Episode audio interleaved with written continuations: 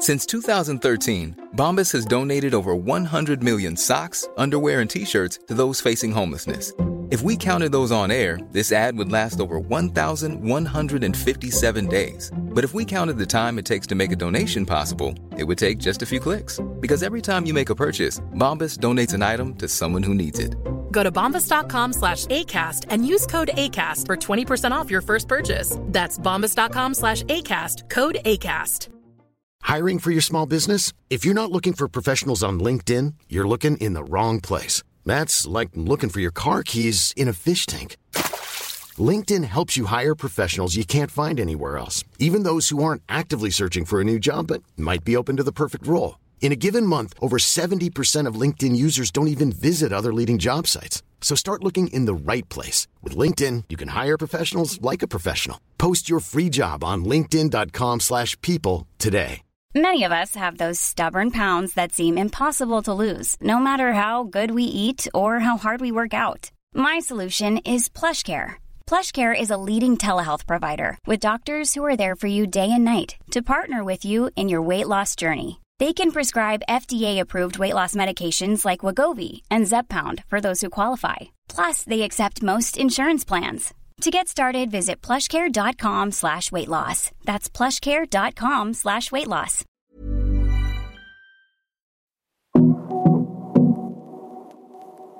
Hej och varmt välkommen till avsnitt 219 i Karriärpodden. Låt mig få presentera den här veckans gäst som är ingen mindre än Ann-Marie Gardshåll, koncernchef för Postnord. Vi ska nu få lära känna personen som leder Nordens största logistikföretag och en av Sveriges största arbetsgivare med närmare 30 000 medarbetare och som genomgått en oerhört stor transformation och förändringsresa de senaste åren. Vi kommer förstås att vika en stor del av vårt samtal och prata om just ledarskap och hur man får med sig människor i allt detta. Men vi kommer också prata om vad som har format Ann-Marie som person och vad som har varit viktiga insikter längs vägen för henne. Ann-Marie, som har norska rötter, har en bakgrund som managementkonsult från McKinsey och många år inom medicinteknikbolaget Gambro innan hon klev innanför dörrarna på Postnord 2012. I vårt samtal kommer vi också att prata om vad ett avbrott som skibam mitt i livet kom att betyda för henne. Och sen kommer ni få reda på vad har vi två för oväntad gemensam nämnare. Innan vi drar igång vårt samtal vill jag passa på att tacka Karriärpodden och Women for Leaders samarbetspartner Volkswagen Group Sverige. Tack för att ni gör det möjligt att fortsätta sända Karriärpodden och fortsätta lyfta fram förebilder. Här kommer nu avsnitt 219 med min gäst Ann-Marie Gardshol. Jag heter Eva Ekedal.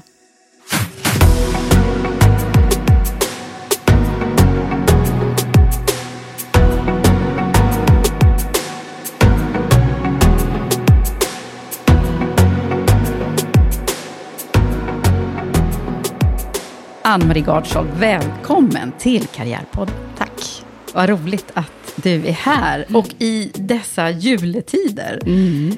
Alltså nu är det hur många dagar kvar till jul? Tio, tio dagar kvar till jul. Och jag får ha Postnord-chefen här hemma.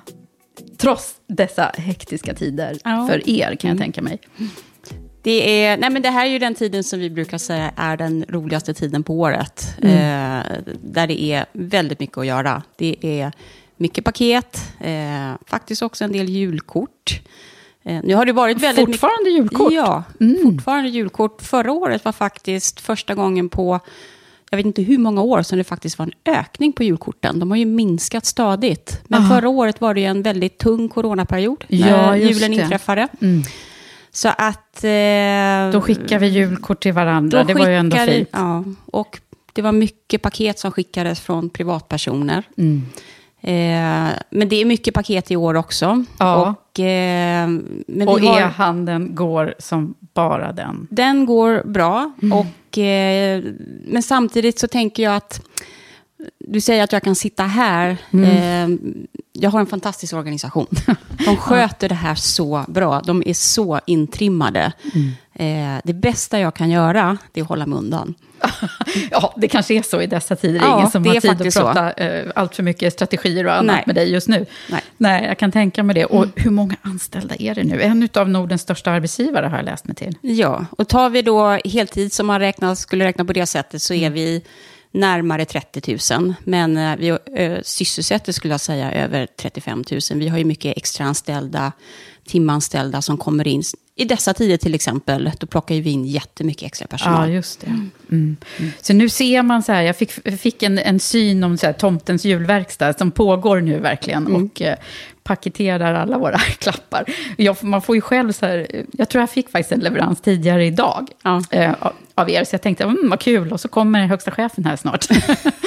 eh, ja, nej, men eh, det är ju också en väldigt stor transformation som ni har gjort, som i och för sig, jag sa till dig innan, så här, vi kommer nog inte att prata bara om digitaliseringen och eh, den stora transformationen ni har gjort, men det, det går ju ändå inte att, att undvika det faktumet att när man studerar er utifrån så är det ju så här, verkligen de gamla breven till Ja. att det nu är ett logistikföretag. Och allt det här är ju drivet av digitaliseringen. Eh, och det har gjort att vi, eh, vi kommunicerar på ett nytt sätt, men vi konsumerar ju också på ett nytt sätt.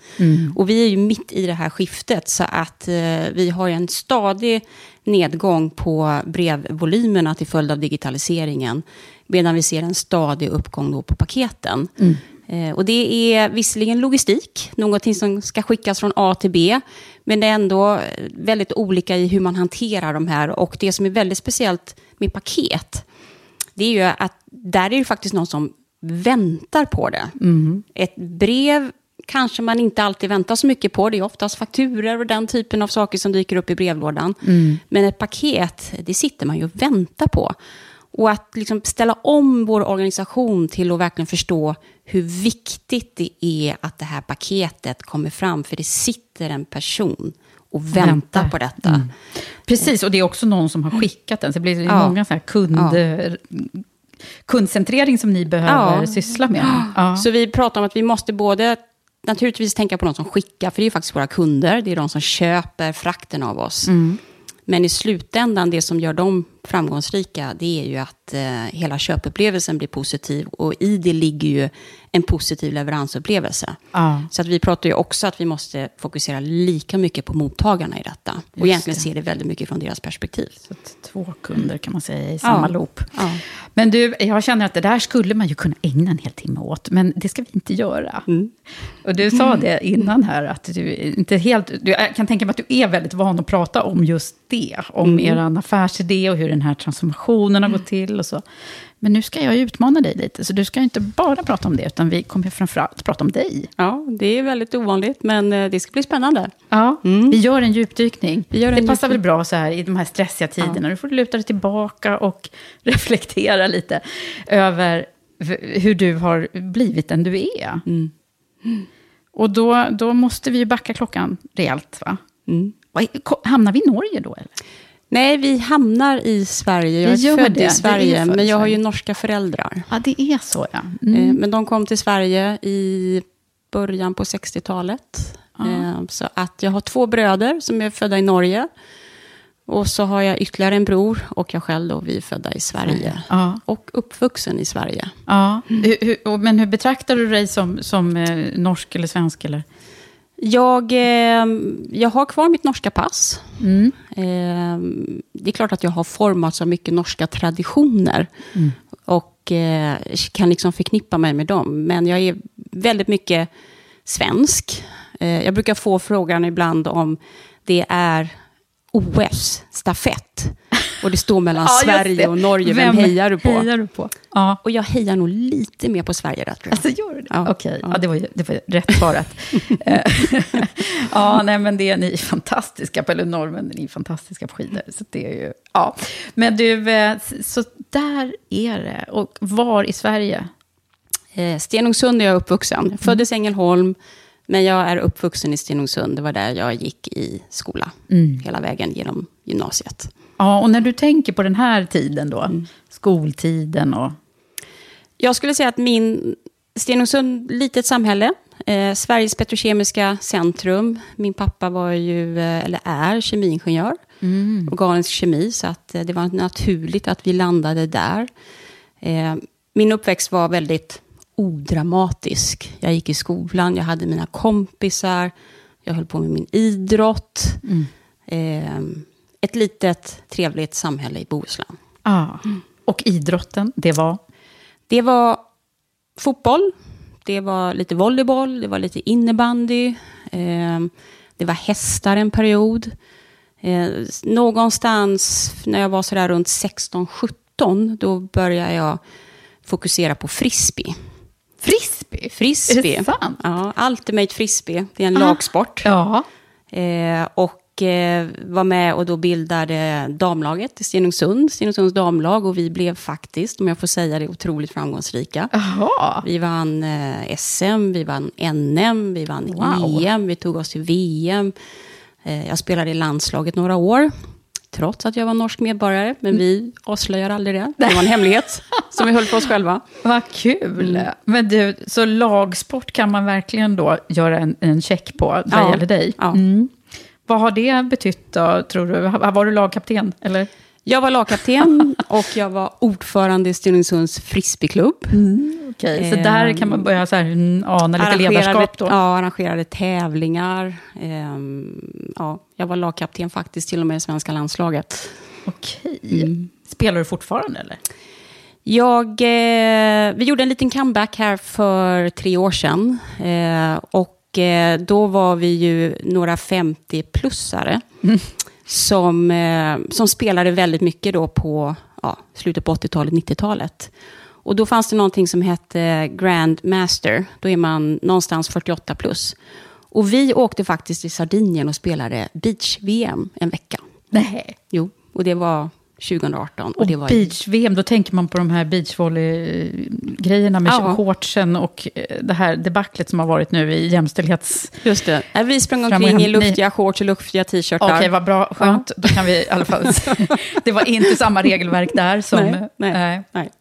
Jaha, men vad har det här... Eh, då vandrar vi oss igenom där. Mm. Kunde man också ana att det skulle bli en ledare av den här digniteten tidigt? Jag gick aldrig och tänkte på det sättet. Nej. Jag har alltid gjort det som jag har tyckt varit roligt. Jag har alltid tyckt skolan var roligt. Eh, jag har alltid varit väldigt nyfiken av mig. Eh, det ena har följt av det andra, skulle jag säga. Mm. Men, Men, jag tar ju tag i grejer. Liksom. Jag tar ju initiativ till saker och ting. Och ska det någonting som ska ordnas med, då ordnar jag med det. Vi måste ha sponsorer, men då fixar vi sponsorer. Vi måste ha nya matchdräkt, ja men då får vi fixa med det. Vi måste ha nya träningsoverall, ja men då fixar vi med det. Vi måste ha träningstider. Det löser vi. Mm. Så jag blir ofta involverad i de här situationerna när vi ska Så en, fixa en, en, en driftighet kan mm. vi också ana då. Mm. Vad drömde du att du skulle bli när du var i, de, i den där åldrarna? Um, jag gick inte och funderade så mycket på vad jag skulle bli. Jag hade liksom lite olika tankar. Jag hade en period där jag funderade på att bli läkare. Um, jag var väldigt intresserad av, då tänkte jag idrottsmedicin naturligtvis. Men uh, jag kände att det var en lång utbildning. Uh, jag visste att jag inte skulle få 5 och 0 i betyg. Och, uh, så det blev civilingenjör. Mm. och det bara blev så då? Nej, men det var jag ganska inställd på. Framför allt så lockades jag av industriell ekonomi. Mm. Som då var en blandning av ekonomi och teknik, men ändå med tyngdpunkt då på teknik. Jag gick ju naturvetenskaplig linje ja, också på gymnasiet. Ja. Och var, var, det för att du var intresserad av de ämnena? Eller, eller? Jag gillade bredden. Jag ville inte riktigt specialisera mig. Och jag visste väl inte riktigt vad jag ville, men jag tänkte att en, eh, en civilingenjörsutbildning lockade mig mer än bara en ekonomiutbildning. Eh, och jag tänkte att där får jag också en, en bred bas mm. att, eh, att stå på. Mm. Och vad, vad, vad, om vi stannar kvar där lite i uh, ungdomen, det är ju så mycket som, du vet ju hur det är, det är ju mm. så mycket som sätter sig i, i våran prägling redan mm. i tidiga år. Va, vad kan du mer, så här, när du forskar lite här nu tillsammans med mig, vad är det vi kan hitta för några egenskaper som liksom bottnar redan tidigt här? Nej, men driftigheten har du ju lyft fram, mm. eh, nyfikenheten, Eh, gillar att få saker och ting att hända. Eh, tycker det är kul att vara liksom en del av ett team. Det var ju mycket lag i idrotten. blir väldigt fokuserad på uppgiften. Mm. Se till att det levereras om vi har sagt att vi ska göra någonting. Ja. Eh, och då, då ligger jag i tills det är gjort. Mm. Och du är yngst i, i syskonskaran då? Jag är yngst. Mm. Vad har det betytt då, tror du? Nej, men jag har funderat på det många gånger. Eh, jag vet ju inte vad det betyder att inte vara yngst. Nej, man vet ju inte det. Nej, eh, men jag har ju tre storebröder. Och eh, de har ju alltid varit förebilder för mig. Den ena brodern var den som tog mig ut på skidor och lärde mig att, att åka slalom, lärde mig att surfa. Eh, den andra brodern var faktiskt den som drog mig in i frisbeen. Ah, okej. Så Ja. det var inte du som kom på det Nej, helt själv? utan Nej. det var, jag hängde med, fick hänga med killarna och spela frisbee. Och där någonstans så tänkte jag att det skulle vara himla kul att ha ett damlag. Mm. Eh, så att de har varit viktiga förebilder för mig. Eh, de har Har du gått, fightats med dem också? ja, de har väl gått från att vara retstickor till ett stort stöd, ska jag säga, eh, under min, eh, min uppväxt och min karriär. Eh, till att de nu är fantastiska supporters. Mm. Och heja på dig Ja. nu i din roll här. Ja, de gör det. Ja. Ja. Har de också blivit ledare? Eh, de har tagit lite olika karriärvägar, karriärvägar. Mm. skulle jag säga. Men två av dem ska jag nog ändå säga lite mer av ledare. Och eh, den tredje har... Eh, han, har ja, men han är klok. Han har prioriterat en väldigt balanserad livsstil. Ja. Det, det ligger en prioriterat sina intressen. klokhet i det, Ja. kan man ju konstatera. Då hamnar vi där på utbildningen och dina tankar om vad du sen skulle göra. Och då ble, blev det konsultkarriären på en gång, eller? Grejen var den, när jag var klar med eh, Chalmers, då hade jag ju varit sista året i London och läst också. Det var en dröm för mig att alltid att, att få komma utomlands och läsa. Eh, och när jag tog min examen så var det ganska tufft att få jobb i Sverige. Det var ju lågkonjunktur. Ah, det här var just 90, 91. Ja, då var det riktiga Ja. bankkrisen. Ehm, Men då hade jag av någon anledning också haft en dröm att få jobba som lärare. Mm, just det, det här Så jag sett upp. blev eh, 50-klasslärare under en period där. Mm. Men, eh, och eh, började rota lite i posten och annat som hade kommit in under tiden som jag var i London. Och hittade ett brev från McKinsey. Mm. Och det var absolut inte ett företag som lockade mig. Jag hade sett några konsulter på såna här eh, karriärdagar på Chalmers. Just det. Och eh, kände att det där är inte alls min typ. Nähä, Varför var det inte det då? Nej, det var kostymer och det var väldigt Strikt. Ja, och väldigt, eh, vad ska man säga, Karriärigt. karriärigt, eh, väldigt professionellt. Eh, men jag tänkte så här, att jag skickar in en ansökan för jag måste få gå på jobbintervjuer. Så jag skickar in en ansökan till det var så McKinsey. allmänt att du skulle Ja. gå på? Mm. Så jag tänkte jag måste i alla fall få träna på att gå på jobbintervjuer. Eh, för det var inte så många som man fick gå på, för det fanns inte så mycket jobbintervjuer att gå på. Så att jag skickade in en eh, ansökan till McKinsey och eh, fick komma på intervju. Och det gick uppenbarligen bra, för sen hamnade du där. Sen hamnade jag där och det var för att jag kände ju under de här intervjuerna att när jag fick träffa människorna eh, och när jag fick förstå vad det egentligen handlar om att vara då konsult, så blev jag väldigt nyfiken och tyckte att det där verkade riktigt spännande. Ja, och det är ju verkligen konsulternas konsultorganisation. Ja. ehm, som, som jobbar mycket med övergripande strategier och Förändringsarbeten, ja. Mm. så där blev jag kvar i sju år. Ja. Hur var den resan nu när du, när du tittar tillbaka på den? Nej, men jag kände mig lite som en udda fågel, för att jag kom med en teknikbakgrund. Och de flesta kom ju från Handels, eller hade läst en MBA. Eh, så att jag kände ju lite sådär hela tiden att passar jag verkligen in? Eh, för jag passade, jag hade ju liksom inte den bakgrunden. Nej. Men eh, en fantastisk skola att få gå i. Eh, du utsätts ju för sådana spännande uppdrag och spännande situationer. Eh, du lär dig ett väldigt, ett väldigt bra arbetssätt. Eh, hur man tar sig an liksom, svåra problem, svåra utmaningar. Hur du tar dig igenom en strukturerad problemlösningsprocess. Hur du bygger upp din argumentation. Allt det där, liksom, när du gör det under sju års tid, det sätter sig i ryggraden. Och det har du med Hur långt hade man kommit där? Du, jag, du vet ju att jag jobbar mycket med jämställdhetsfrågor. Mm. Eh, hur, hur långt hade man kommit med de tankarna internt på McKinsey på den tiden?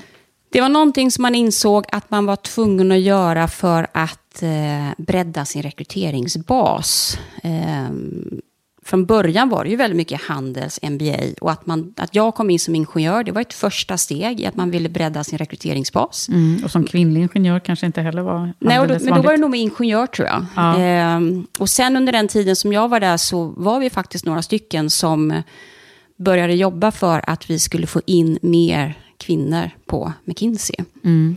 Så att vi var inte så där jättemånga tjejer i Norden på den tiden när Nej. jag började. Ja, jag Men eh, vi startade ett program som då syftade till att få in mer tjejer. Mm. Eh, och när jag lämnade, det kommer jag inte ihåg, men vi var betydligt fler tjejer på McKinsey i Norden när jag lämnade än vi var när jag började. Ja. Och under den tiden som jag var där så fick vi också första kvinnliga partner i Norden. Mm, just det. Mm. Men du satsade inte på det fullt ut? Nej, jag hade blivit eh, det som kallas då på den tiden Senior Engagement Manager. Det var precis steget under partner. Och eh, då visste jag att det var kanske två år till. Och jag kände någonstans där att eh, jag saknar liksom att vara del eh, på en längre resa. Eh, det jag skulle då behöva lägga min tid på de kommande två åren var ingenting som lockade mig. Ehm, och eh, jag fick goda vitsord och eh, uppenbarligen så fanns det en potential att kunna bli partner. Men eh, jag valde faktiskt att sluta. Aha. Jag fick ett erbjudande från en av mina klienter. Ja, det var så det gick till? Ja, När du hamnade Och- på Gambro? ja när jag gick Mm. till Gambro. Och, ehm, och det var precis rätt tid för mig.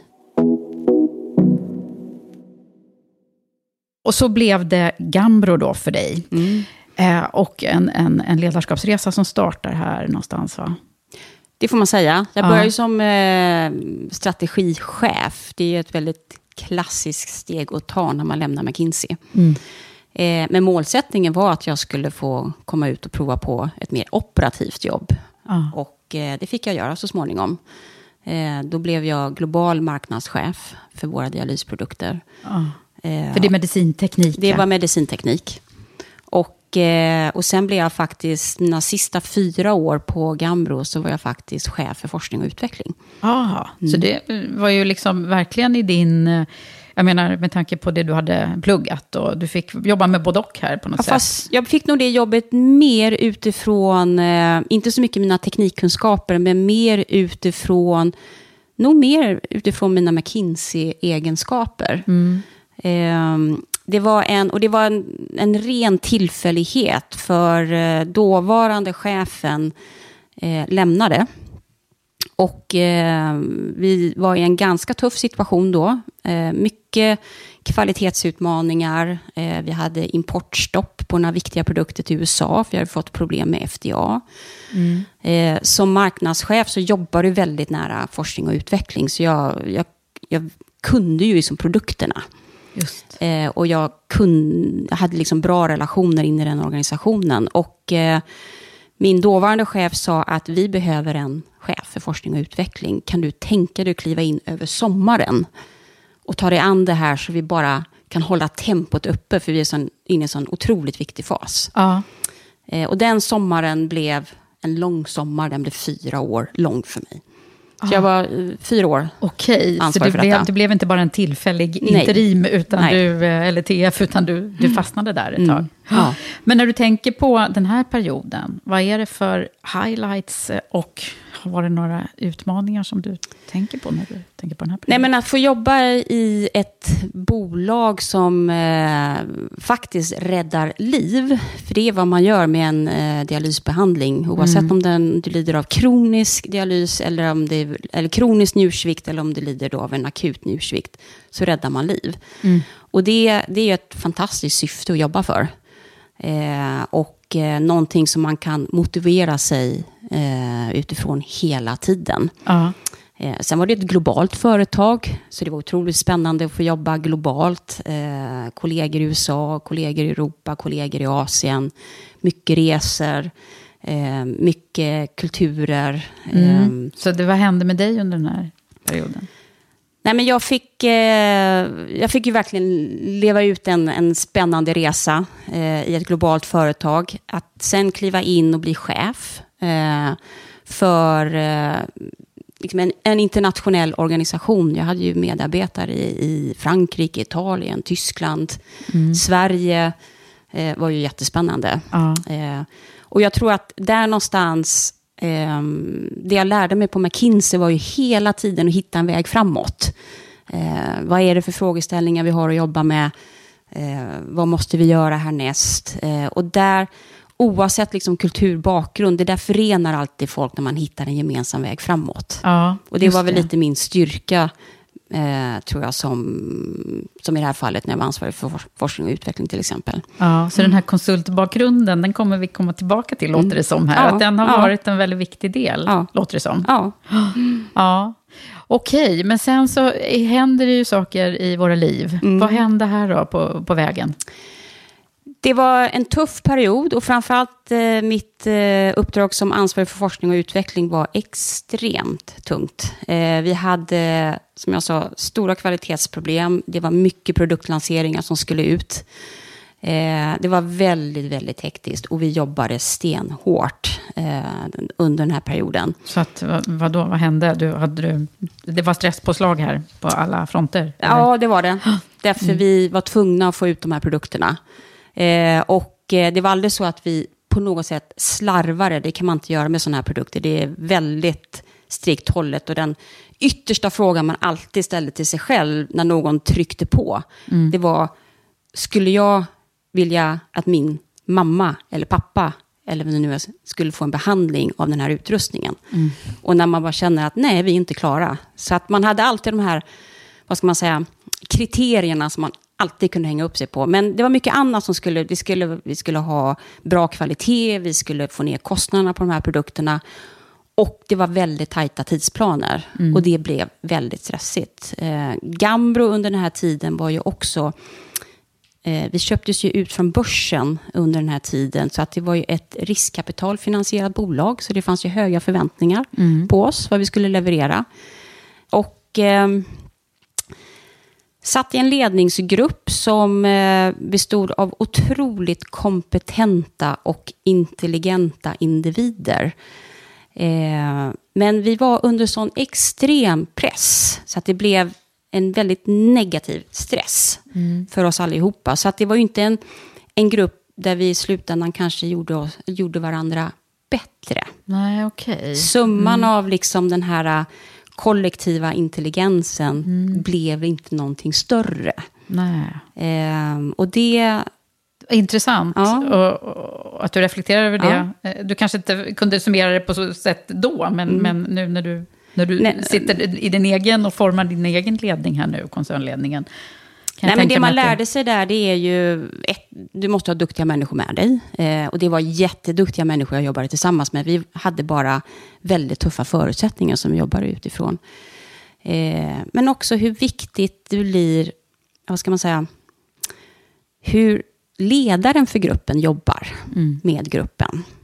Uh -huh. eh, hur, hur, avgörande det ja, är. Ja, och hur mm. viktigt det är att man bygger relationer eh, i gruppen, eh, ta sig tid och verkligen våga diskutera de svåra frågorna och inse att eh, ja, we mm. are in this together. Ah.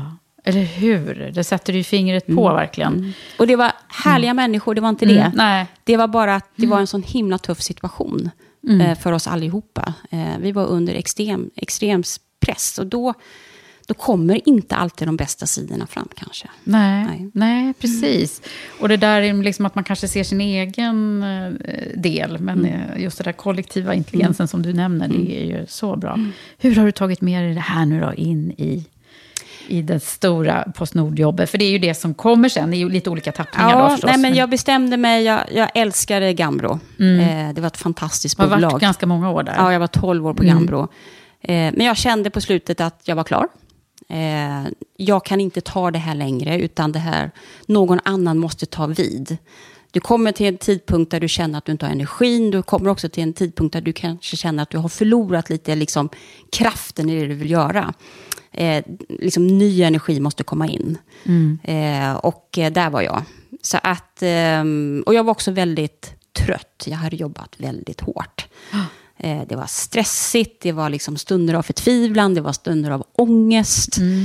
Eh, jag fick verkligen fundera på vad vill jag göra härnäst. Vad gjorde du då? Alltså, rent här, tog du hjälp eller hur, hur processade du det? Jag var 45 år gammal Ja. och jag hade börjat eh, nära en dröm om att jag ville åka skidor. Jag Nu älskar- kommer vi till väsentligheterna här. Nu ska vi prata skidåkning. Ja, jag älskar också det nämligen. Ja, nej, Ja. men jag älskar att åka skidor. Både och, utför eh, och uh, Allt. allt. Utför, uppför, på längden. Uppför också, okej. Ja, Mm. och eh, jag hade, den här liksom, drömmen hade börjat växa fram i mig att jag skulle bara vilja ägna dagarna att åka skidor. Eh, och min, min karriär har ju varit, om man nu ska använda det ordet, liksom, det var gymnasiet, det var Chalmers, Mm. Ja, det var ganska klock, så här, det var spikrakt. Mm. McKinsey, det blev Gambro. Jag hade aldrig varit skibam. Nej, du hade hoppat över det steget. Ja, så när jag var 45 år gammal blev jag skibam. Ja, men vad underbart. Mm. Så att jag hade bestämt mig, jag ska åka skidor och jag ska åka skidor varje dag. Mina vänner sa till mig, du kommer tröttna. Och jag sa, det är helt okej, då slipper jag dö nyfiken. eh, så att jag eh, hyrde en liten studio på 30 kvadrat nere i Chamonix och bosatte mig där. Åkte skidor i stort sett varje dag. Var det en hel säsong då alltså, eller? Ja, två månader var jag där. Ja. Åh, vad härligt det lät. Och då hade du inte bestämt vad, vad nästa jobb skulle bli, eller? Nej, jag hade börjat fundera och eh, jag hade blivit kontaktad. Eller var det så här, jag ska bli skribam? Nej, jag hade nog mer att jag, jag tänkte jag måste verkligen fundera. Men jag blev ju kontaktad av en headhunter som tyckte att jag skulle titta lite på Postnord. Och jag sa, tänker jag inte alls göra. Nej. Eh, och jag tänker absolut inte gå till ett statligt ägt bolag. Eh, det är inte min grej. Jag har jobbat i börsnoterade bolag, jag har jobbat i private equity-ägda bolag. Det passar inte mig. Nej. Men så återigen, eh, jag fick gå på en intervju. Eh, jag blev väldigt nyfiken. Eh, jag tyckte också det var väldigt, det blev väldigt spännande när jag frågade om varför vill ni ha mig som strategichef? Jag kan absolut ingenting om logistik. Och då sa de, det är precis därför. Det var ju ett väldigt bra svar. Ja, ja. Så att jag signade faktiskt på med Postnord eh, under tiden som jag var nere i Chamonix. Jag sa också till dem att jag tänker inte börja jobba nu. Eh, jag har andra planer. Jag ska åka skidor. Mm. Ska bara åka lite och det var en skidor. förutsättning för att jag överhuvudtaget skulle skriva på. Ja. Att börja med Postnord. Ja. Och när jag var nere, tillbaka lite till det jag kom ifrån, eh, den här otroligt givande men ändå väldigt tuffa perioden på Gambro, så ehm, jag ägnade bara dagarna åt att åka skidor och fundera på vad är viktigt för mig. Mm, I livet. Ja. Och jag kom fram till att jag gillar att jobba. Mm. Eh, men det är viktigt för mig vilka människor jag omger mig med. Mm. Och jag vill ju jättetydligt, Gambro var fantastiska människor, men det var viktigt för mig att fundera på liksom, i vilket sammanhang vill jag liksom finnas. Mm. Eh, och det måste vara ett sammanhang där jag får energi, Mm. eh, där eh, det finns respekt. Eh, och eh, ja, där vi gör varandra bättre. Ja. Och där jag kan vara med och göra andra bättre. Jag är inte heller alltid nöjd med hur jag var som teammedlem under den tiden jag var på Gambro. Nej. Det låter ju som att Gambro var mycket negativt. Det var det absolut inte. Det var de sista åren som blev väldigt, väldigt tuffa. Jag hade en fantastisk period och jag hade fantastiska chefer som satte mig i situationer som jag aldrig hade kunnat drömma om. Och som gav mig jättemöjligheter och jag hade underbara kollegor. Jag måste bara få säga det. Ja, men det, Till alla men det är bra, men alltså, det är ju de här, de här stunderna som också blir så lärorika. Så att det, är ju, det är ju så bra att du, du liksom kan plocka fram det här nu, för då, då, då kan man ju börja förstå liksom vad du har lagt för pussel nu eh, och, och haft möjlighet att göra. Det kanske inte alls hade blivit det eh, om, om du inte hade varit med om det här. Liksom. Och, och kanske reflekterat över det i, skidbacken. Jag måste få stanna där. Med, bland, men då, då var, var, alltså var du verkligen en skibam som klättrade upp på Agi Midi och, och uh, åkte runt den här, vad det nu heter, den här. Jag har också varit i Blanche. Precis. Ja, jag gjorde det. Du gjorde det. Eh, ska sägas att jag... Var du själv eller? Eh, jag, var, jag åkte själv ner. Jag hade ju en man som jobbade här hemma i Sverige, men som eh, tog portföljen på fredagar och satte sig på planet och kom ner. Jag hade mycket vänner som kom och besökte mig. Mm. Eh, Gamro-kollegor som kom och besökte mig. Och jag teamade upp med en bergsguide där nere. Mm. Eh, som jag åkte mycket skidor med och som fick mig att våga börja klättra. För jag har ju varit extremt höjdrädd. Jaha. Ja. Oj, det låter ju inte så när man liksom tänkte på det först. Men det, det, och hur gick det då? Så, eh, nej men det gick bra. Hon eh, fick bort den rädslan i mig och fick mig att inse att man kan klättra och ha kul på en och samma gång. Mm. Och, och, och, rädslan fick du bukt med alltså? Ja, ja, och det handlar ju mycket om verktygen. Ja. Eh, att, eh, att känna att man har kontrollen. Mm. Eh, jag brukar lika, likna klättring lite med att uh, ha en, uh, en bra chef. Mm. Uh, och Ulrika då, guiden som jag fortfarande klättrar och åker väldigt mycket skidor tillsammans Aha, med, okay. som bor och jobbar nere i Chamonix som bergsguide.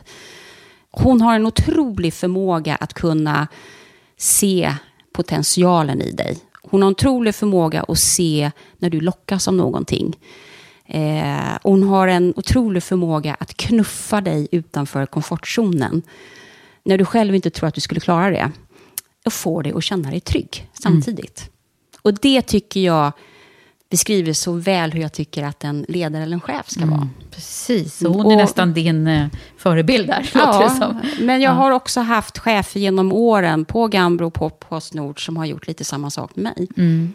Ehm, Just det där att knuffa lite. Ja, liksom. ja. Och sen tänker jag också det här med, det är ju som eh, jag som är samtalsterapeut, det är ju som kognitiv beteendeterapi, du vet, när mm. man ska liksom utsätta sig för det man är rädd för. Mm. Uh, men då handlar det ju ganska mycket om kunskap och också våga ifrågasätta liksom, sina egna tankemönster ja, som man har. Det låter som du fick göra det där då. Jag fick göra det och eh, jag tycker det är jättekul att klättra. Ja. Mm. Och det gör du fortfarande eller? Ja. Vad coolt.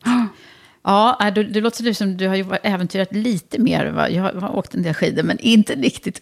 Klättra gör jag faktiskt inte, det har, det har jag kvar. Mm. Men, eh, men eh, vad, vad, vad hände sen då? Var du färdig med det där då? Eller hade du kunnat tänka dig ett liv eh, i alpvärlden mera? Eh, jag är i Alperna flera veckor om året. Mm. Eh, den andra drömmen som jag och min man hade, det var ju att skaffa oss ett boende där nere. Mm. Så att eh, nu har vi faktiskt en lägenhet nere i Chamonix. Mm. Och vi är där nere vinter, vår, sommar, ja, det är så höst. fint på sommaren också ja. där. Ja, ja fantastiskt. Mm. Eh, vad roligt. Jag visste, det här hade inte jag researchat fram. Nej. Eh, däremot så mm. finns det ju bilder på dig när du står och tittar ut över bergen. Ja, jag älskar bergen. Ja, vad är det ja. som händer i bergen? Nej, men det är så stort. Och... Eh, det är bara mäktigt. Eh, för mig blir det också att det blir sån total närvaro. När du åker skidor eller när du klättrar, du är ju där och då. Så att för mig är det ett otroligt bra sätt för mig att koppla av i mm. huvudet. Mm.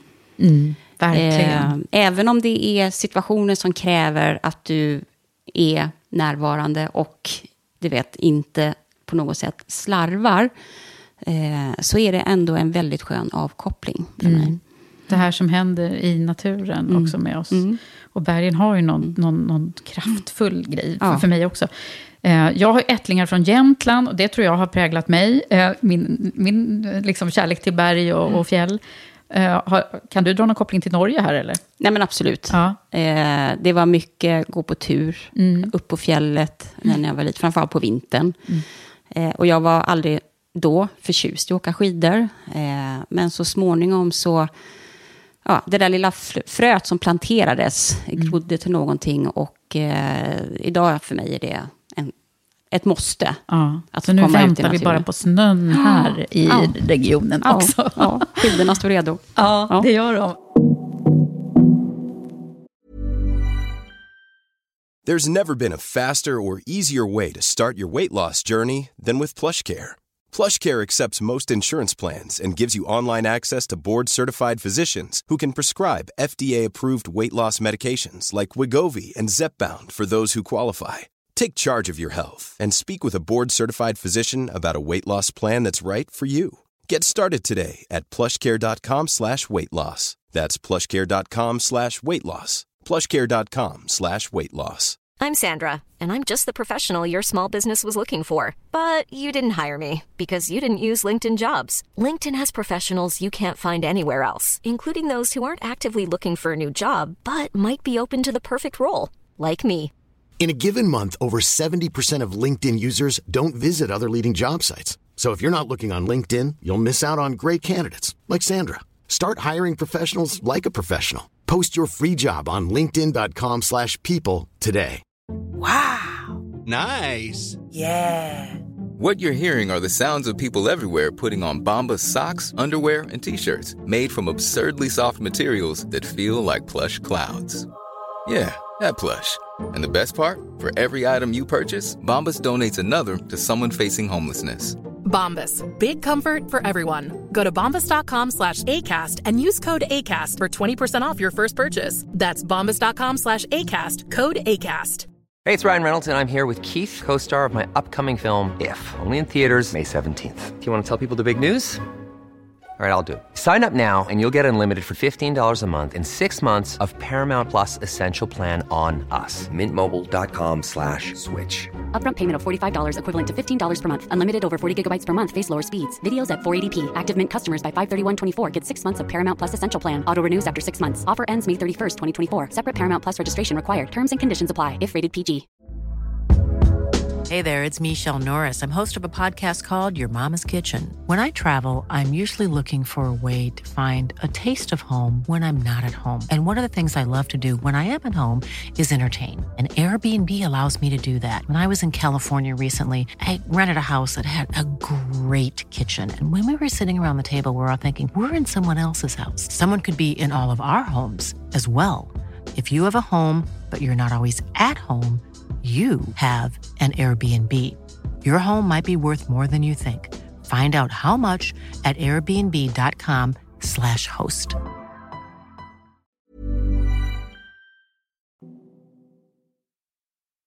Och sen blev det då Postnord för hela slanten i lite olika roller då här Ja, till att börja med. 2012 Mm. klev jag in på Postnord i maj 2012. Mm. Och då var det strategi. Då var det strategichef och eh, det var jag fram till 2015. Mm. Och eh, där blev jag då vd för ett av våra dotterbolag, Postnord Strålfors. Just det. Så den här farhågan som du hade, som du beskrev, att ja, men statligt och allt det här. Eh, vad, vad, vad hände med den när du väl kom innanför dörrarna då? Men jag ska säga att det första året, varje dag när jag gick in genom dörrarna så gick jag och funderade, hör jag hit? Men det var nog för att jag saknade Gambro väldigt mycket. Ehm, och det här var någonting nytt, men jag hittade ganska snart väldigt spännande frågor att börja jobba med. Och fantastiska kollegor. Ehm, och sen fick vi en ny koncernchef för 2013, Håkan Eriksson. Då var jag fortsatt strategichef och han klev in på ett sätt som var väldigt viktigt för mig. Han tog tag i de svåra frågorna. För att under mina första 18 månader på Postnord så insåg jag att eh, här finns jättespännande möjligheter, men det finns några väldigt, väldigt kritiska frågor att ta tag i. Och det är, vad gör vi med den här volymnedgången på brev? Eh, Det här bolaget kommer inte kunna överleva om vi inte gör någonting åt det. Och ni har ju också fått göra om organisationen ganska väsentligt. Ja. Jag tänker i, i storleksmässigt vad gäller medarbetare och så. Så när Håkan klev in 2013, så då var det ett viktigt möte för mig när jag presenterade min analys för honom.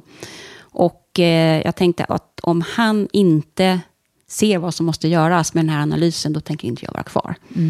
Eh, men hans svar var, tack, du har sparat mig tre månader, nu kör vi. Okej, så Ja. du, du blev liksom mött i det här Ja. och eh, kanske ännu mer då, nu kommer din, din eh, konsultbakgrund ännu mer till Ja. nytta, Ja. tänker jag. Och, och eh, förändringarna som, ni har, som du har varit med och, och Ja. drivit. Okej, eh, och då blir man ju väldigt nyfiken på förändringsledning och kan vi inte nosa lite på det? Eh, vad, vad är dina så här, spaningar kring, vad är det viktigaste när man ska göra såna här stora resor som ni har gjort? Eller gör fortfarande är det väl kanske? Nej, men jag tror att eh, det blev så väldigt tydligt för mig när jag kom till eh, Postnord hur viktigt det är att du får med dig organisationen i en stor förändring. Och eh, jag blev ju då vd för Postnord Sverige 2018 och då kom ju Postnord Sverige ifrån en period som har varit ganska tung, mycket kvalitetsproblem. Och eh, den här så kallade piken eh, 2017 blev riktigt, riktigt jobbig.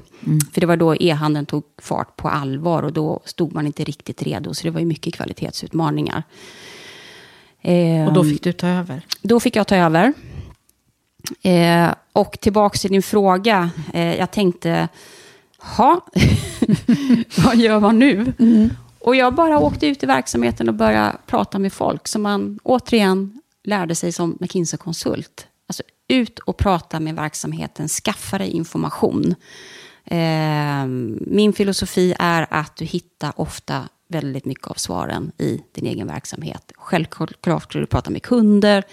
Självklart ska du kanske till och med ta extern hjälp för att få liksom ett perspektiv på, på situationen. Men eh, eh, där någonstans insåg jag att det fanns en enorm kraft i organisationen. Och eh, framför allt en enorm revanschlystnad. Mm, så viljan fanns? Viljan fanns där och framförallt så var det de fackliga som sa till mig att om du bara får fram den här äh, viljan och ger den förutsättningar att verka fullt ut så, så ska vi kunna vända detta. Ehm, och det tycker jag lite vad förändringsledning handlar om. Alltså hitta den här kraften som oftast finns i en organisation eh, och skapa förutsättningarna för organisationen att kunna kanalisera sin energi åt rätt håll. Men det är ju en koloss verkligen som du har fått. Ehm, om, om, om du liksom summerar de här åren nu då, så har det varit en pandemi också som ju har påverkat er på olika sätt. Ja. Men vad, vad, vad är det som du har gjort då? Med den här kolossen? Vi- Mer än att dra Nej, men vi, nytta av har, eh, vi har stakat ut en målbild som eh, vi känner att organisationen får vara del utav och som man tror på. Eh, vi har en jättetydlig strategi. Vi har jobbat mycket med att se till helheten. När jag kom in som vd för Postnord Sverige så var det väldigt mycket, okej, vill du ha bra resultat eller vill du ha bra kvalitet? Och jag sa att vi kan inte välja. Vi måste få ihop helheten. Eh, så vi har jobbat väldigt mycket med det vi kallar för diamanten, som är ett begrepp som vi etablerade, som handlar om att vi sätter medarbetarna högst upp. För allting börjar med medarbetarna. Eh, har du nöjda medarbetare så kommer de leverera bra kvalitet till dina kunder. Får du nöjda kunder så kommer också så småningom resultatet att komma. Så att vi jobbar... Ni vände på liksom Ja, pyramiden? vi vände på pyramiden och jag fick en del som utmanade mig kring varför sätter du inte kunderna först? Varför sätter du medarbetarna först? Och då fick jag förklara hur vi tänkte och vi kom tillbaka till diamanten. Ehm, och den har varit med oss hela tiden. Är Så det diamant? Nu tänker jag så här. Det alltså tänk dig en pentagon. Ja, Ja. ja.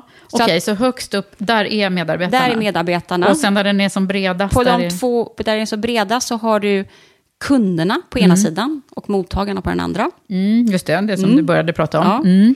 Eh, och längst ner i botten har du ju två små hörnen och där har du då kvalitet och resultat. Och i mitten har vi placerat varumärket och även då hela vår hållbarhetsagenda. Ah, vad bra. Och nu kommer vi in på den frågan också. Du leder mig framåt här i samtalet utan att veta om det. För jag har ju en fråga som handlar om hållbarhet här. Eh, eh, och den är ju riktad ifrån, det kommer ifrån min samarbetspartner, nämligen eh, Volkswagen Group Sverige, som, som eh, skickar in en fråga varje vecka till podden, till alla gäster. Får svara på den här. Och då skulle jag vilja att du tänker igenom så här eh, lite personligt också. För att det här, hållbarhet är, måste ju vara årets ord, eller flera år har vi väl pratat om det nu. Eh, så att det är ju så lätt att det blir så här högtflygande. Men om du skulle prata om vad hållbart ledarskap betyder för dig, vad, vad tänker du på då? Nej, men då tänker jag faktiskt... Diamanten för mig är hållbart ja, jag ledarskap. Det var kanske där vi var ja, då. Mm. För du ser till helheten. Eh, på sikt kan du inte kompromissa på någon av delarna. Eh, på kort sikt kanske du får göra vissa avvägningar. Eh, men på lång, på, liksom över tid så måste du få med dig helheten. Eh, det tror jag är jätteviktigt. Jag tror att det handlar också väldigt mycket om att sätta en tydlig riktning. Eh, det handlar om att eh, tänka bort sig själv i det hela. Vad är det jag är här för? Vad är det jag ska åstadkomma?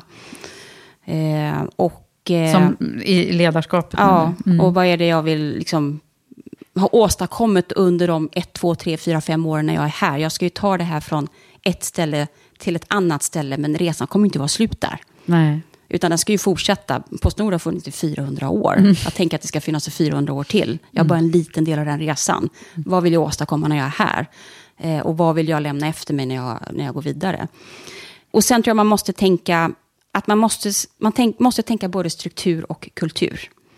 Eh, struktur handlar om allt det hårda, strategi, eh, organisation, eh, ramar, eh, processer. Det måste finnas där för att en stor verksamhet ska kunna vara effektiv.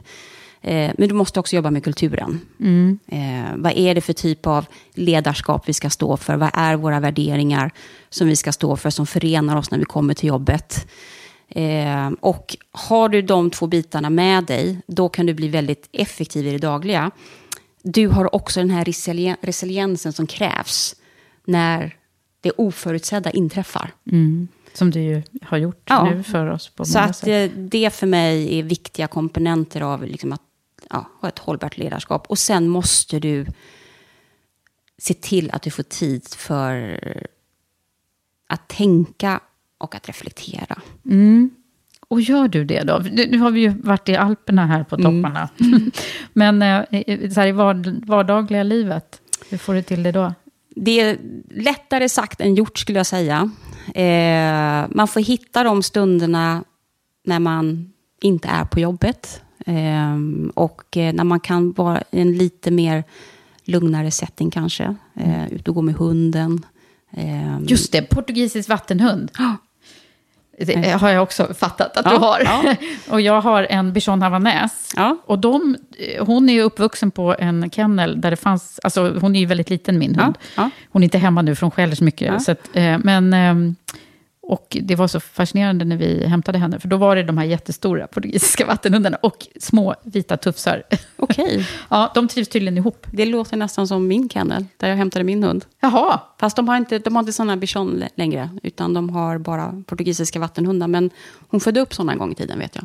Jaha. Min- Va, vad hette kenneln? Vildingarnas. Nej, men, det är ju samma! Är det det? Ja! Med Jeanette. Ja! Ja.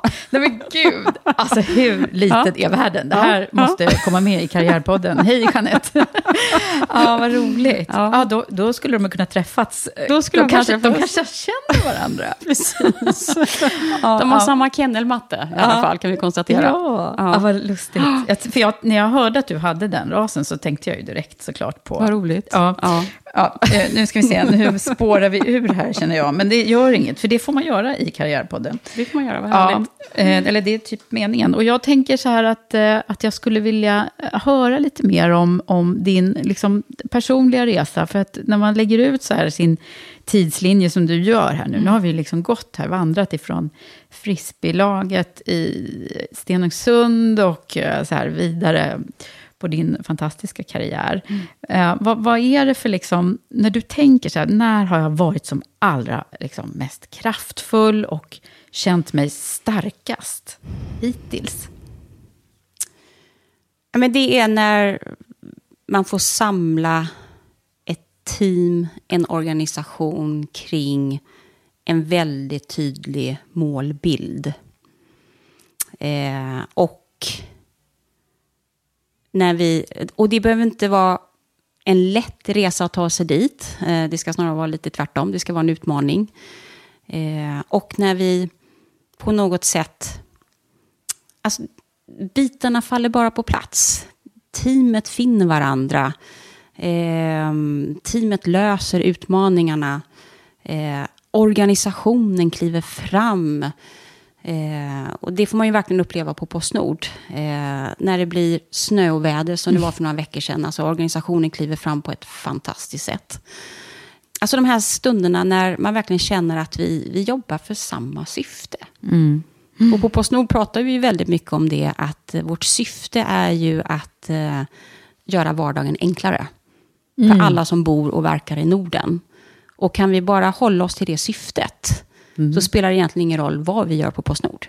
Nej, just det. Eh, så när man kan få den här kraften kanaliserad på det sättet, då känns det väldigt bra. Eller kollegor, medarbetare som alltså kommer tillbaka med idéer, lösningar, förslag som du aldrig ens skulle kunna komma på att tänka på, om man säger så. Nej, som inte du hade kommit på själv. Nej, alltså som, där vi verkligen får ut potentialen i oss själva. Och eh, som jag sa tidigare, gör varandra bättre. Mm.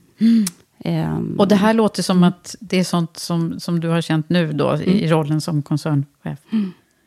Eller är det tidigare i livet också? Nej, men jag har känt under min tid på Gambro, eh, naturligtvis under min tid som McKinsey-konsult, eh, där, där krigade man rejält många gånger. Det Ja. var många långa timmar. Eh, på Gambro, när jag jobbade med forskning och utveckling framför allt, eh, i och med att vi eh, var under stor press. Men eh, mina forskning och utvecklingskollegor var fantastiska i att bara vad ska man säga, böja ner huvudet och, och, och se till att nu, nu löser vi det här. Vi måste lösa de här kvalitetsproblemen eller vi måste få ut den här produkten. Eh, och Postnord har varit lite samma sak. Eh, det har varit... Och när, du förstår ju vad jag är ute efter här nu. Det där låter ju så fantastiskt och så. Men sen har vi väl alla stunder när det är, livet känns svårt och ja, tufft. Vad har du haft för stunder då? Eh, Gambro var ju en period där det var väldigt tufft. Och då har det ju att göra med att, ehm, att teamet inte funkar. Eh, och när vi inte kanske då ehm, hjälper varandra. Eh, det kan också vara perioder när det är väldigt, väldigt mycket att göra. Jag hade ju en period på Postnord där jag faktiskt hade två jobb. Jag var ju Sverigechef under nästan två år samtidigt som jag var koncernchef. Ehm, det var perioder som det var väldigt tungt. Eh, jag har inga problem att jobba mycket. Nej, låter inte så. Men eh, när det blir perioder där du känner att du inte räcker till eh, för teamet och du känner att teamet blir led, lidande eh, därför att du inte är där och, och kan hjälpa till i prioriteringarna eller lösa ut de svåra frågorna. För det är klart att det blir konflikter. Eh, speciellt när det är, är tungt och mycket att göra. Eh, det tär väldigt mycket på mig. Vad händer med dig då? Eh, nej men då, då blir jag trött. Eh, jag blir inte alltid mitt bästa jag. Eh, och då menar jag i termer av att jag eh, blir nog lite för snäv i mina tankar. Eh, jag ser liksom inte möjligheterna på samma sätt. Jag ser kanske mer problemen. Eh, man zoomar inte ut på det sättet som man måste göra som ledare. Eh, och då är det bra att man har ett team omkring sig. Eh, och det hade jag både i den svenska ledningsgruppen och på koncernledningen. Som, som liksom ryckte i mig och sa liksom, det här måste vi ta tag i, du måste hjälpa till här. Så att, det är ju fördelen med att ha sina teamkollegor omkring sig i de lägena. Ja, ja men Som ger en härligt. rak feedback. Verkligen. Ja. När du också tänker på din liksom, egen resa här nu, så här, eh, vad är det för, som har varit avgörande, tror du? Det låter som du har varit ett antal vägskäl också, men, och de har vi berört. Men vad har varit så här personligt avgörande för, för dig? Det är att jag har haft chefer som har sett en potential i mig som jag själv inte har sett. Du hade inte sett det själv? Nej, Nej. jag hade inte tänkt att jag skulle bli forskning och utvecklingschef. Nej. Jag hade inte tänkt att jag skulle bli vd. Vare Nej. sig för Strålfors, Postnord Sverige eller bli koncernchef. Det var så. så Ja. den, där gången när du klev in liksom som, som strategichef, då var det ändå det du var. Ja. Ja, Mm. ja. Så din tanke så här, jag siktar på det här, det var, Ja. så var det inte alltså? Nej. Nej. Utan eh, det har varit situationer som har uppstått där jag har blivit ombedd att kliva in. Eh, och det är inte situationer som jag har gått och tittat på och funderat på och tänkt att det där skulle vara spännande. Eh, utan jag har haft chefer som har eh, tyckt att det där borde du klara av. Mm. Och så har de, tillbaka lite till den här klättringsanalogin, puttat in mig i en situation som man kanske inte själv riktigt såg mig själv i. Eh, och eh, det har varit väldigt avgörande för mig när jag har tagit de här kliven. Mm. Så eh, då blir jag så nyfiken på din eh, själv, ditt, ditt självförtroende Mm. och självkänsla. Hur skulle du beskriva det? Nej, men jag är aldrig rädd för att kliva in i en situation och börja nysta i den. Jag känner mig jättetrygg med det. Och då är vi tillbaka till skolan på McKinsey. Ehm, det jag har fått lära mig allt eftersom att du blir äldre, det är ju hur viktigt det är att inte bara fokusera på uppgiften, utan också få med dig människorna och teamet runt omkring dig. Eh, och det har nog fått jobbat mycket med de senaste åren. Framförallt när man klev in och fick börja leda mer seniora ledare. Eh, som är duktiga, erfarna, kompetenta. Har en liksom, klar syn på vad de tycker behöver göras. Eh, så ledarskapet är någonting som jag har jobbat med väldigt mycket, skulle jag säga, de senaste framförallt tio åren. Ja. ja. Mm. Så att, eh, hur summerar man det där då? Att du, du, din självkänsla får en skala... Eller ja, självkänsla, det är ju, man skiljer ju lite på Mm. det där då. Skulle du säga att du har bra självkänsla och självförtroende? Är det något som, som är... jag tror att det där går lite upp och ner. Det är klart att man rannsakar sig själv. Eh, reflekterar över sig själv. Liksom hur, hur påverkar jag andra? Hur, vad tycker de om det jag gör egentligen? Är jag tillräckligt tydlig? Eh, att reflektera liksom över sig själv och hur man uppfattas och hur man leder tror jag är jätteviktigt. Ehm, Jag har fått jobba mycket med att hålla fingrarna ur syltburken. Jag älskar att gräva ner mig i frågor och engagera mig i frågor. Det kan man inte göra som koncernchef, inte heller som vd. Eh, Så jobba mycket med vadet istället för huret. Ehm, Jobba mycket med att eh, coacha genom att fråga eh, och inte alltid försöka komma med svaret. Ibland måste du bara lyssna, inte ens fråga. Att förklara varför och inte bara vad som ska göras, utan varför det ska göras. Jag känner att jag svarar inte riktigt på din fråga, men eh, där någonstans har jag byggt mitt självförtroende som Ja. ledare. Ja. Eh, och säkert också liksom fortsatt att utveckla min självkänsla. Och sen har du haft då de här viktiga sponsorerna, som jag Ja. kallar dem, Ja. eh, som har puttat lite på Ja. dig och eh, trott på dig. Mm. För det, det kommer vi tillbaka så ofta. Jag tror varje avsnitt som jag har suttit här och, och pratat om de där.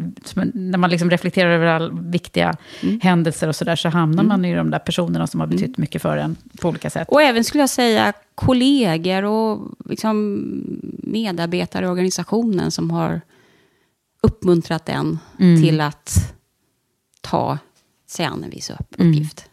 När du har fått de här förfrågningarna kring eh, att ta nästa kliv och, och sådär, har, du- har du tvekat då? Eller? Ehm, det är klart att frågan har alltid kommit som en överraskning. Mm, det låter ju så. Mm. Så att det är klart att jag har tänkt till.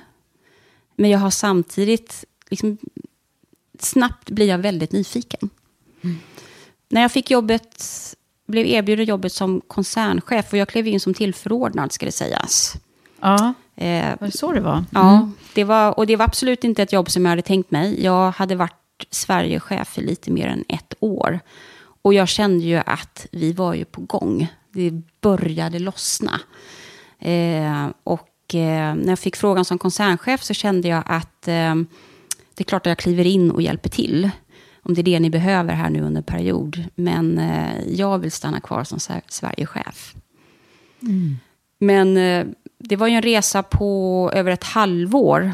Och eh, under den tiden var vi tvungna att göra en del saker på koncernen. Ja. Och vi satte strategin, eh, vi satte en ny organisation. Eh, det pågick en rekryteringsprocess för att hitta en ny koncernchef. Eh, jag klev in i den processen.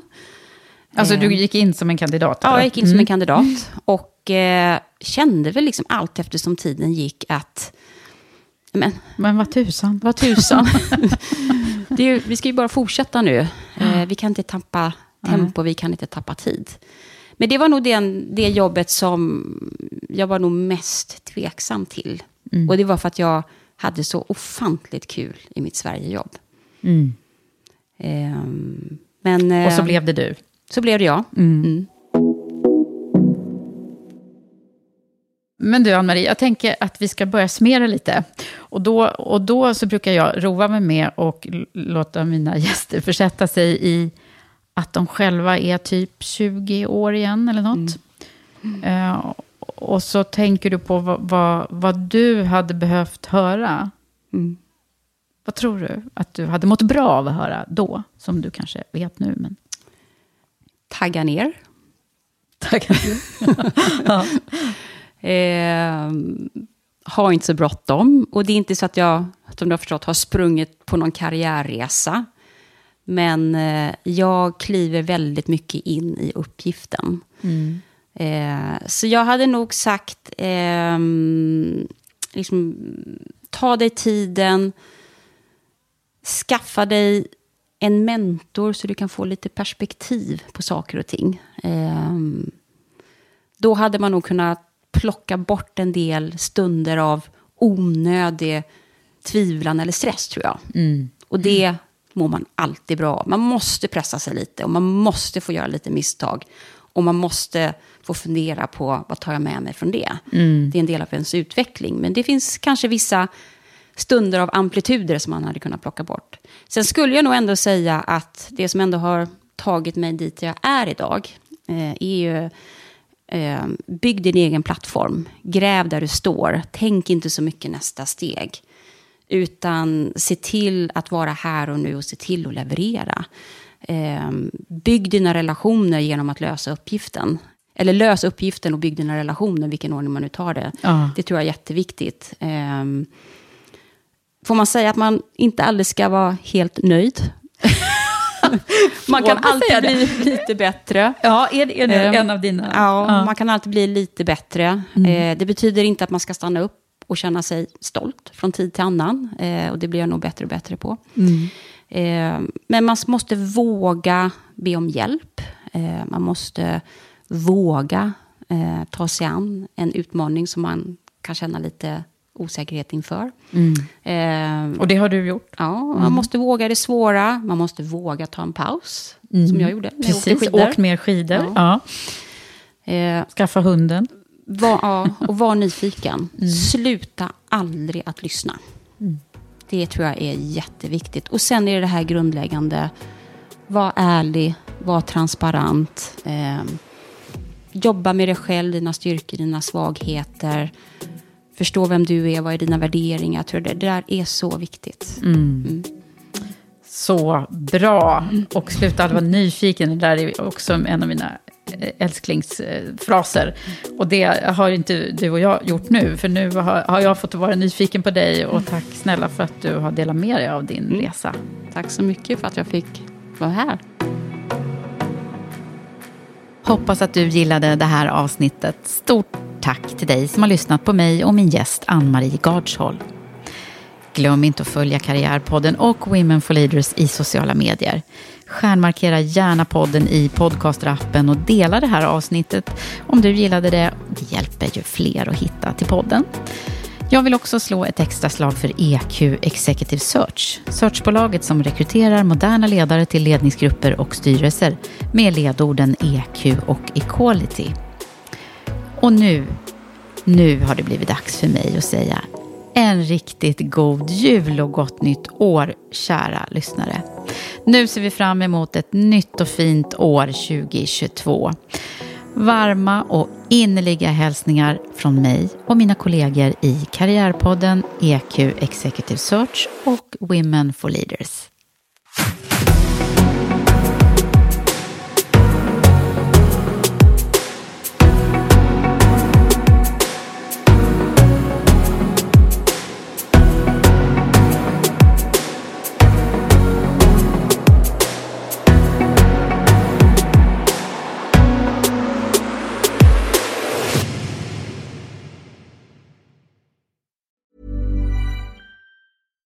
Mom deserves the best, and there's no better place to shop for Mother's Day than Whole Foods Market. They're your destination for unbeatable savings, from premium gifts to show-stopping flowers and irresistible desserts. Start by saving 33% with Prime on all body care and candles. Then get a 15-stem bunch of tulips for just $9.99 each with Prime. Round out Mom's menu with festive rosé, irresistible berry chantilly cake, and more special treats. Come celebrate Mother's Day at Whole Foods Market.